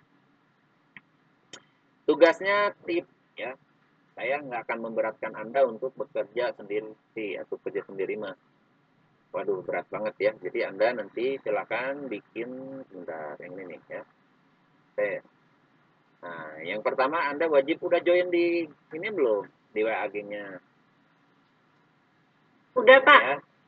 Yang belum tolong join dulu biar ada informasinya lebih mudah di sana. Karena kalau misalnya nanti eh, ada informasi yang tidak bisa saya, saya sampaikan di e-learning, saya sampaikan di grup. Atau ada yang mau bertanya di grup, silahkan. Ya. Buat grup itu bukan hanya untuk menunggu informasi. Tapi Anda bisa diskusi dengan teman yang lainnya. Saya suka eh, apa namanya grup itu rame, ya. Ya, jangan sampai nanti ada yang ngeposting video grupnya sepi gitu kan. Biasanya kayak gitu ya. Grup sepi ada yang upload video sepi kok sepi dan sebagainya gitu ya. Nah anda silahkan e, diskusi di sana. Jadi biar teman-teman yang nggak tahu juga bisa bertanya ke teman-teman yang mungkin yang lebih tahu gitu ya. Oke buat tim dari sekarang ya lima orang nanti eh, saya akan berikan Google Form kepada di grup ya. Makanya tolong join di grup WAG-nya eh, eh, nanti di di grup saya akan berikan link untuk eh, pendaftaran tim. Ya. Dan nanti eh, timnya silahkan eh, beri nama ya. Tapi tolong namanya yang baik ya. Dalam arti yang baik jangan sampai seperti ya ini mah contoh aja kakak kelas anda yang beri nama timnya itu Baragajul ya. Anda tahu Baragajul apa? Ya tahu lah gitu ya. E, terus bahkan sampai yang sebelum pandemi itu ada yang namanya acak kadut gitu. Aduh itu nama tuh gimana gitu ya. Anda diberikan nama oleh orang tua itu adalah e, cerminan dari orang tua juga ya. Orang tua anda memberikan nama anda yang baik ya. Nama anda misalnya saya lah nama saya Eri. Tapi saya bersyukur nama saya Eri. Aja saya nggak bilang ajahnya kepanjangan saya bukan.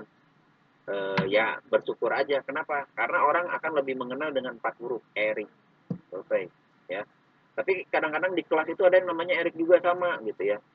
Ya udah namanya makanya saya kan e, namanya saya itu Erik doang ya. Mungkin saya pernah cerita di Wisnu mungkin ya. Kenapa nama saya Erik doang ya. Makanya di sini ini secara otomatis nih ada Erik STM Com gitu ya. Nah kalau seperti ya saya bersyukur punya nama gitu ya. Kan anda itu namanya bagus-bagus gitu nih ya. Contoh misalnya ya. Eh, apa nih? R. Yusuf Raihan. R-nya itu apa eh, Yusuf? Raden atau apa? Pak mundur Raden Pak ya? Raden itu Raden Yusuf Raihan ST Mkom amin. Wah keren kan gitu ya. Profesor depannya. Waduh gitu kan. Jadi eh, apa namanya nanti kalau anda bikin foto itu dua baris nama anda. Nama anda dokter nama anda terus jabatan dan sebagainya panjang banget. Ya alhamdulillah. Karena kan itu perjuangan anda kuliah juga. Anda kuliah di teknik informatika nanti akan mendapatkan satu gelar ya. Oh ya satu cerita nih satu cerita lagi ya satu cerita lagi ya. Anda di sini baru semester berapa sekarang?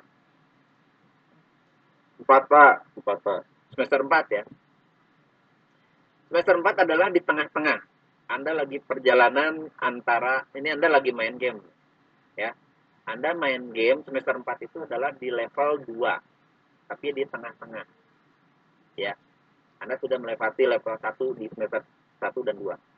Anggap ini adalah level 2. Karena di sini adalah Anda tahun kedua kan, betul ya? di tahun kedua kan anda itu totalnya itu tahunnya empat ya empat tahun nah gitu ya. Anda posisinya lagi berjalan di tengah-tengah. Nah ini adalah eh, apa namanya saya bilang eh, penentuan. Kenapa penentuan pak? Karena di tengah-tengah ini anda harus harus gimana nih? Ya anda punya cita-cita anggap ini jalan yang lurus. Anda ke depan. Ya liku-liku mah wajar lah ya ada ke kiri ke kanan dan sebagainya. Anda malas itu wajar lah namanya juga manusia ada malasnya dan sebagainya. Tapi kalau malas itu beda lagi ya. Cuma ada jin banyak sekali di dalam tubuh kita ya. Kita harus lawan dengan jin tersebut. Kalau lika-likunya itu dalam arti ketika kita mau belajar malas dan sebagainya ya sehari dua hari sih oke tapi jangan tiap hari. Itu wajar manusia. Nah anda posisinya di tengah. Makanya saya tadi nanya ke beberapa teman anda atau siapa tadi ya. Passion anda di mana? Saya programming pak saya bikin animasi 3D pak. Saya di e, multimedia di jaringan database dan sebagainya. Itu nggak masalah. Anda cari passion dari sekarang ya. Tentukan jalannya. Tentukan jalannya dari sekarang anda harus menuju ke ke depan itu anda udah udah tahu. Saya passionnya di situ ya udah anda tekunin di situ ya. Jangan sampai kayak gini Pak, saya mah pengen semuanya bisa. Sistem informasi pengen bisa. Saya pengen jaringan juga bisa. Pengen multimedia, programming, dan sebagainya. Silahkan. Tapi nanti ketika Anda fokusnya di mana, ya susah. Ya, nggak, ya bukan nggak mungkin, mungkin. Gitu. Cuman saran saya, mending fokus di satu, tapi Anda bisa. Jangan Anda bisa semua, tapi cuman, apa namanya, permukaan aja. gitu. Jangan sampai kayak gitu yang lain Anda boleh tahu aja permukaan atau ah dikit lah nggak apa-apa gitu. Tapi ada satu uh, fashion Anda yang benar-benar Anda di sana gitu ya. Terus satu lagi Anda perkuliahan itu jangan sampai uh, apa ya? Namanya kuliah pasti banyak tugas ya. Ya. dulu saya perkuliahan ini ketika saya kuliah itu semester eh, 5 dan 6 itu adalah semester yang saya anggap itu semester benar-benar ya orang bilang itu apa ya? Bukannya saya mengistilahkannya kasar ya. Itu adalah eh, tahun bisa dibilang tahunnya atau yang lama saja lah. Tahun yang nggak bisa ke mana-mana. Kenapa pak? Jadi semester 5 itu tugasnya semua mata kuliah ada. Semuanya presentasi wah pokoknya nama luar biasa gitu. Tapi kalau kita menghadapi mengerjakan dengan baik ya walaupun dulu tetaplah sama. Ada eh, saya ketika ujian eh ketika kerja kelompok saya mangkir gitu ya malas dan sebagainya. Ada aja namanya juga manusia. Tapi jangan tiap hari ya. Nah saya saranin mungkin dari sekarang anda kalau misalnya ada tugas kelompok ya kalau misalnya kelasnya sama seperti ini lebih bagus timnya sama. Lebih bagus ya. Biar nggak ribet. Kenapa pak misalnya ada mata kuliah 5 semuanya tugas besar semua. Timnya beda-beda. Ketika anda mengerjakan kerja kelompok yang mata kuliah A si A si B si C ada kerja kelompok juga yang lain bentrok. Nah akhirnya cuma dua orang gitu ya. Tapi kalau seandainya e, kelompoknya sama anda mau ngerjain apa dulu bebas. Orang-orangnya sama kok itu gitu ya. Atau habis ngerjain A ya B mata kuliah B dan sebagainya gitu ya ya saran saya seperti itu. So, silakan dari sekarang mumpung anda masih posisinya di tengah-tengah cari passion anda banyak eksplorasi. Jangan ngandelin mata kuliah eh, jangan ngandelin materi yang dari perkuliahan. Kenapa? Karena kan dari dari mata kuliah eh, apa materi yang diberikan oleh dosen atau yang di e-learning itu anda hanya dijadi anda hanya diberikan hanya bibitnya aja ya. Paham nggak bibitnya aja? Atau gini deh anda perkuliahan itu di, di kuliah di S1 atau di informatika hanya diberikan cover, kata pengantar sama daftar isi. Selesai. Ya, itu perkuliahan. Terus Pak isi bukunya ke mana? Itu diri Anda sendiri yang menentukan mau diisi atau enggak terserah. Mau diisi berarti Anda full punya pengetahuan satu buku. Kalau nggak diisi berarti ya kosong. Anda punya daftar isi doang. Ya. Ya. Oke? Okay? Jadi saya saranin perkuliahannya walaupun daring eh, tetap semangat, tetap eksplorasi ya. Mungkin yang tadi saya tanya mungkin tadi siapa Alif gitu ya atau siapa tadi ya. Nah, Alif Pak, saya fokus di saya pengen fokus di 3D Blender. Ya alhamdulillah terusin aja kalau memang passionnya di situ. Pak, aduh saya udah mentok ah di jalannya. Namanya juga kita hidup. Hidup juga kadang-kadang mentok. Tapi jangan mentok yang lain gitu ya. Mentok dalam arti aduh saya nggak bisa eh bukan nggak bisa semua ada solusi ya. Makanya kita punya eh, bukan punya eh, mungkin kalau Alif nih mau nyari-nyari referensi biasanya di mana? Cari di website luar atau cari grup komunitas dan sebagainya. Itu solusi terbaik ketika kalian mentok ya. Jangan mentok nanya ke dosen. Ya dosen juga mungkin kan pak saya bingung nih coding ini titik koma atau titik mungkin dosen nggak bisa langsung jawab juga kan.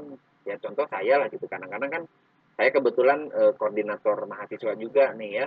Koordinator mahasiswa di mana saya e, harus melakukan banyak koordinasi dengan kakak kelas anda e, 2017 gitu ya untuk e, melakukan apa namanya koordinasi dengan himpunan. Ada kegiatan dan sebagainya. Terus ada rapat jurusan juga rapat koordinator dan sebagainya. Banyak ya jadi mohon mohon apa namanya e, bersabar gitu ya mohon apa namanya ya pokoknya jangan sampai eh, dosen itu dibalas-balas. Bukan itu ya. Karena dosen itu bukan hanya anda yang WhatsApp ya. Masa harus dosen memperlihatkan nih WhatsApp anda di paling bawah? Jadi kalau misalnya nggak dibalas bukan nggak dibalas ya. Mohon toleransinya aja karena kan dosen banyak sekali e, kegiatannya gitu ya. Begitu ya. Jadi mungkin kalau dosen mah lihat anda banyak tapi anda lihat satu eh, cuman anda lihat satu gitu ya. Tapi kalau dosen kan lihat banyak dalam arti kegiatannya banyak. Kalau anda kan cuma satu kegiatannya kunci ya kerjaan tugas gitu ya.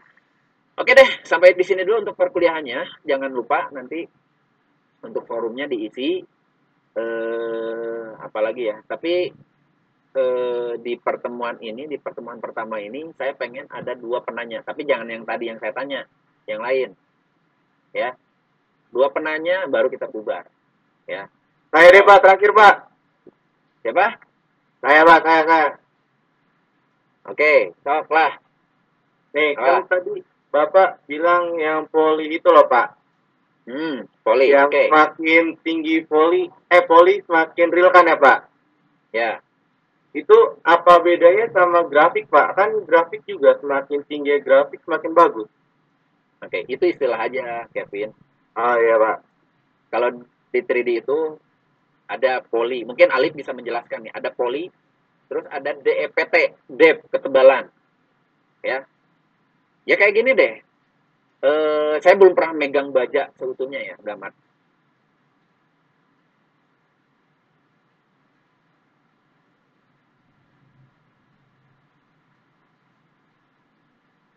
Halo Pak, ngelek Pak.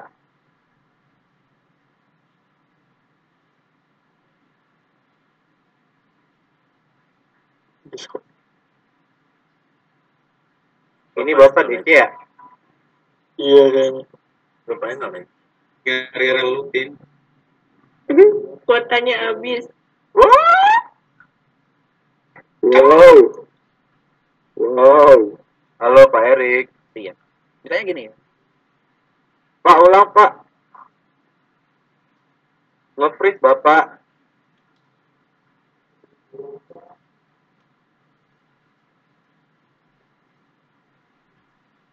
Udah disconnect kayaknya. Mana Pak Erik? Nah, Di-lock Eriknya deh dah. Di-lock deh dah. Mundur. Aduh. Bapak di mana? Di mana Bapak? R guys, R.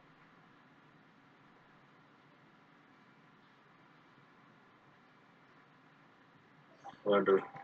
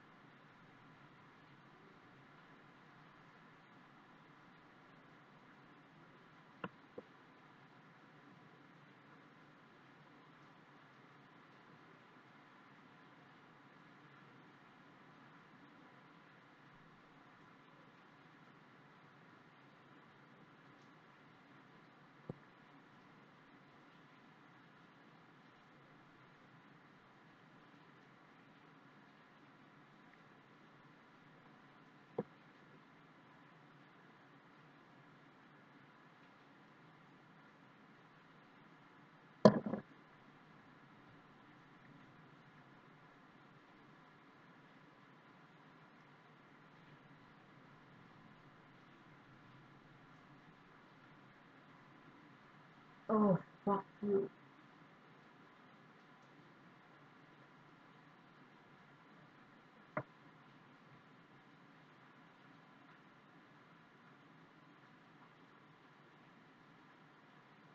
Ada pemadaman. Sepertinya udah udah kelar nih kuliah kita hari ini. Yang satu masuk.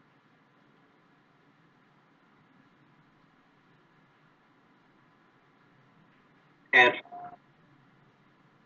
Gara-gara si Kevin nih mah. Salut Pak, salut, salut. Yang nyebut kabel fiber optik isi bapak siapa? Mau siapa itu? Mau siapa? parah si Kevin. Cuma di bapak. Nah, emang si Kevin. Mulut siapa itu? Mulut siapa itu? Buset ah. Siapa ayo, Pin? Hashtag Kevin bersalah.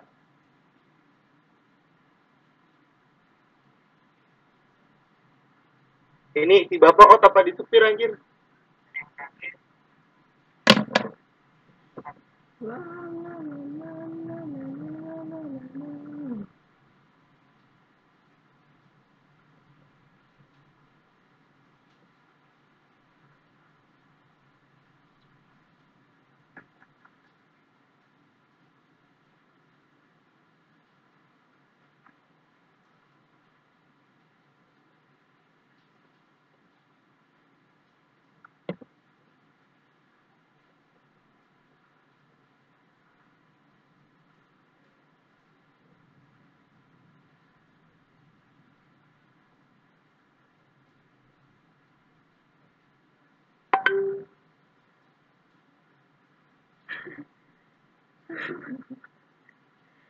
No.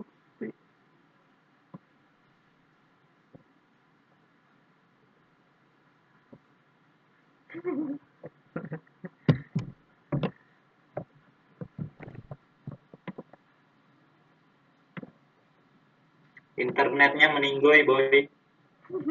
Wadaw.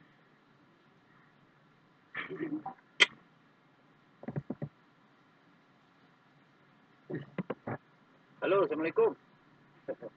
Waalaikumsalam. Waalaikumsalam. Waalaikumsalam.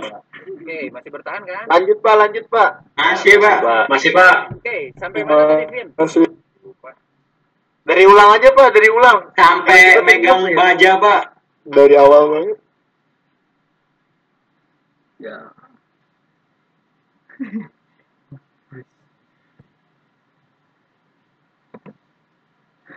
Nge-freeze lagi. Halo, Bapak nge lagi apa ya? Ah,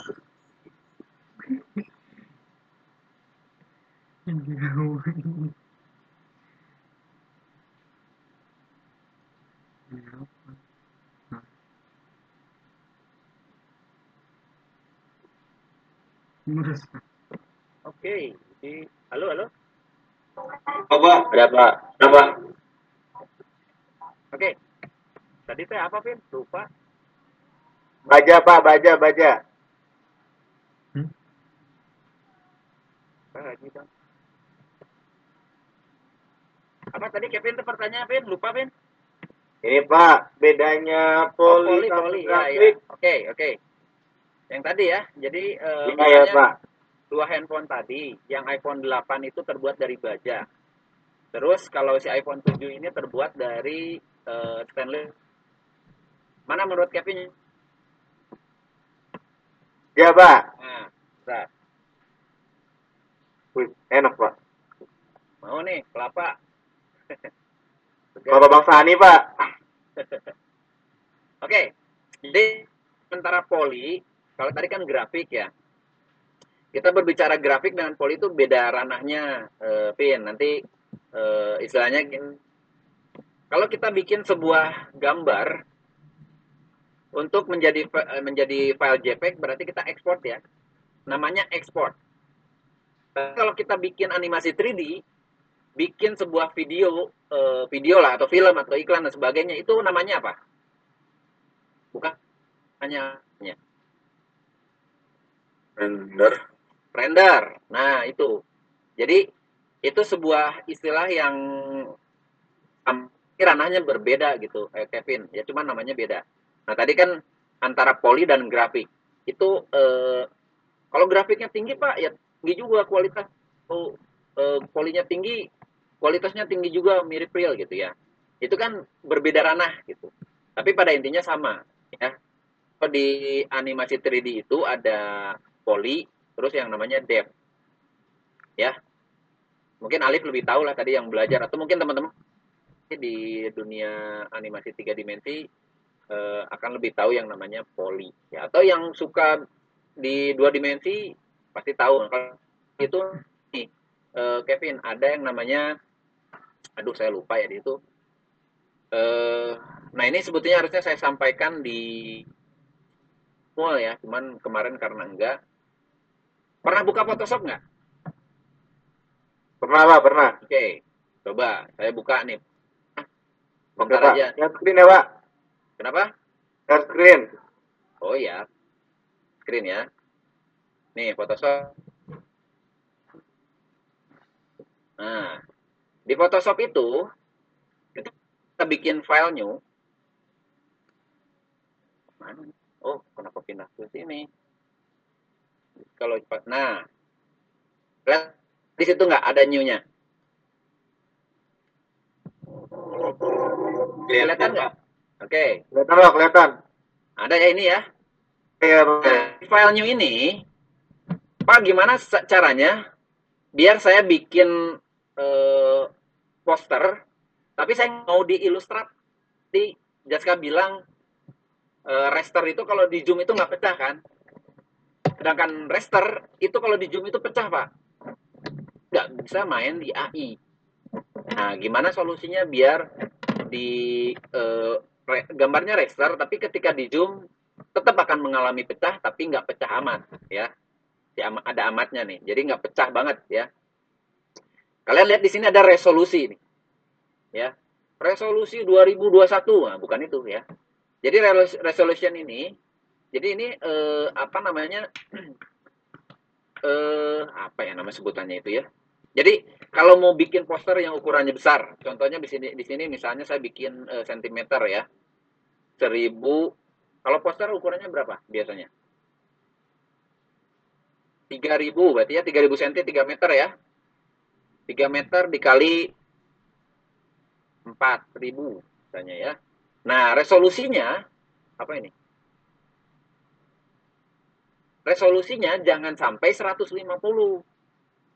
Rubah ininya jadi 1000. Minimal, paling minimal ya. Minimal itu, ya minimal itu. Kok nggak bisa dirubah sini?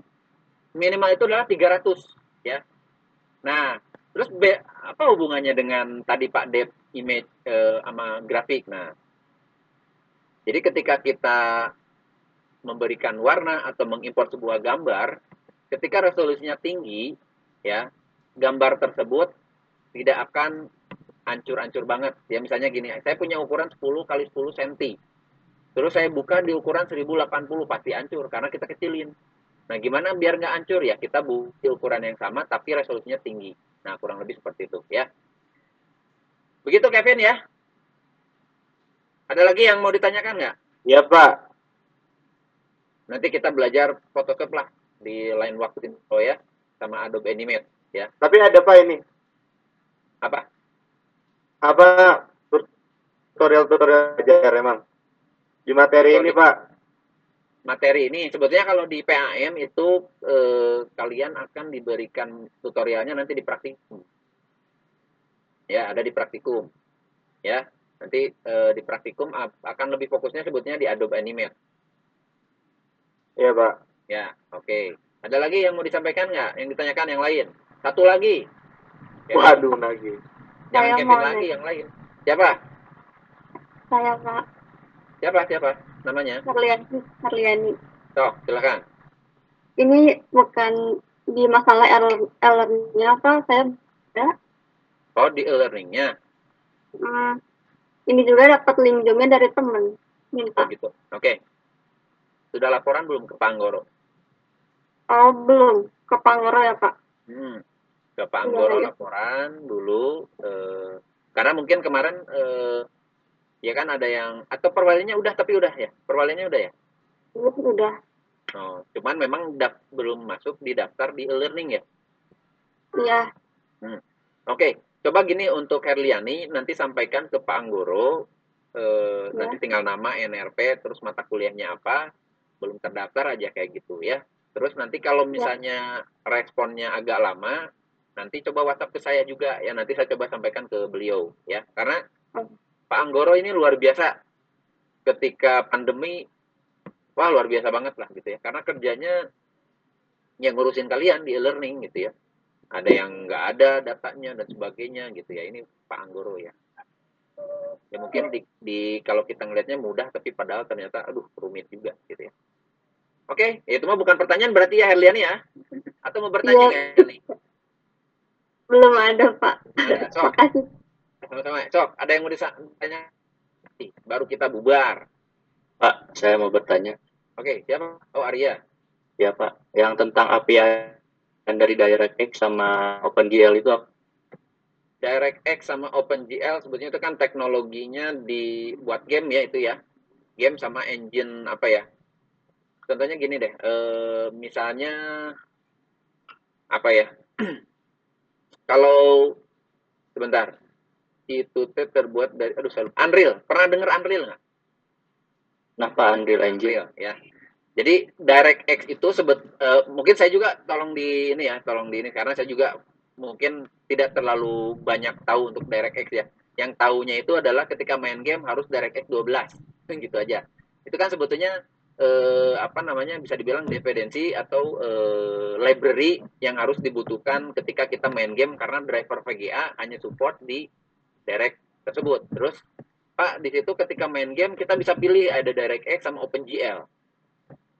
Ya, ada OpenGL dan DirectX. Mana yang lebih bagus? Itu eh, kalau bilang lebih bagus yang mana sih sebetulnya saya nggak bisa bilang ini bagus ya. Cuman kalau lihat dari apa library atau yang eh, dari ya dari library itu pasti OpenGL yang lebih bagus karena OpenGL itu memanfaatkan dari teknologi si graphic card-nya gitu ya. Ya kurang lebih seperti itu. Mungkin saya nggak akan nggak bisa menjelaskan lebih detail ya Arya ya untuk DirectX dan OpenGL. Tapi pada intinya mereka sama-sama eh, engine engine untuk menjalankan sebuah grafik eh, ya contohnya buat game ya. Oke satu lagi deh kalau ada. Kalau ada yang mau bertanya silakan. Sebelum kita bubar ya. Oh ya untuk sinkron mungkin kita nggak setiap minggu ya. Nggak setiap mungkin minggu mungkin dua minggu sekali atau nanti eh, kita informasikan di di grup ya. Dan nanti perkuliahannya untuk PAM ini Anda hanya setengah semester. Loh, kok setengah semester Pak? Gimana ini setengah semester? Setengah semester beres maksudnya? Bukan. Jadi materi yang akan disampaikan ke Anda ini hanya setengah semester. Terus nanti setelah UTS apa Pak? Setelah UTS, itu Anda lebih ke progres pembangunan aplikasi multimedianya. Ya, jadi nanti perkuliahan di setelah UTS itu eh, kemungkinan ini baru planning aja ya. Di tahun kemarin itu kan awal-awal pandemi memang ya. Jadi planningnya masih belum benar nah. Untuk planning saat ini untuk eh, di PAM eh, dua minggu satu kali itu Anda harus berprogres. Jadi Anda akan mempresentasikan progres dari eh, tugas besar yang sudah tim kerjakan. Sampai mana? Ya, nanti itu setelah UTS akan dilaksanakan. Jadi untuk materi hanya sampai dengan sebelum UTS. Jadi Anda hanya mendapatkan kurang lebih 7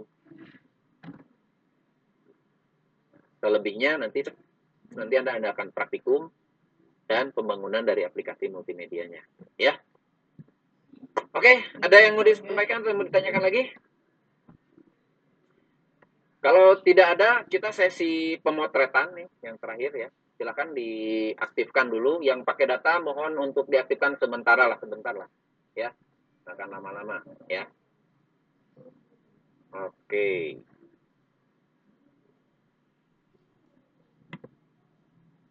Oke, kita foto ya, foto bersama. Sok, rapikan dulu rambutnya yang baru tidur-tiduran.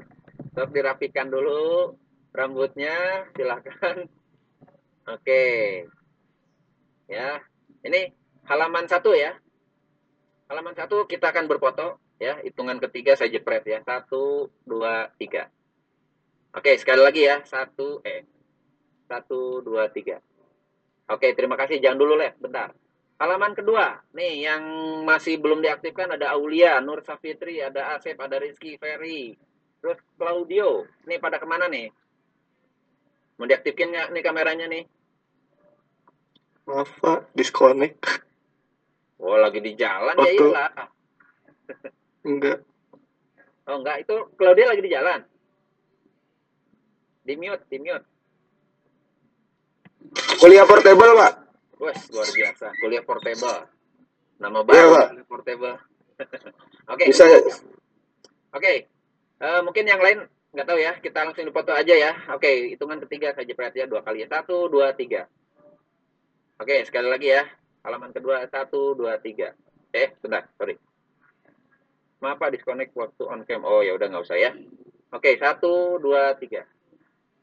Oke, terima kasih sekali lagi buat teman-teman yang sudah eh, kuliah hari ini. Semoga materi yang sedikit ini bisa bermanfaat buat teman-teman di sini.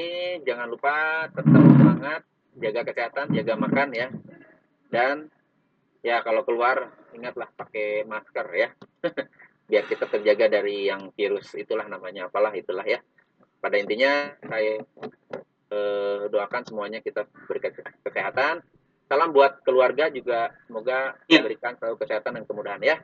Salam semuanya, Amin. sampai ketemu minggu depan, sampai ketemu di WAG Group ya. Saya tutup dengan akhiri Assalamualaikum warahmatullahi wabarakatuh.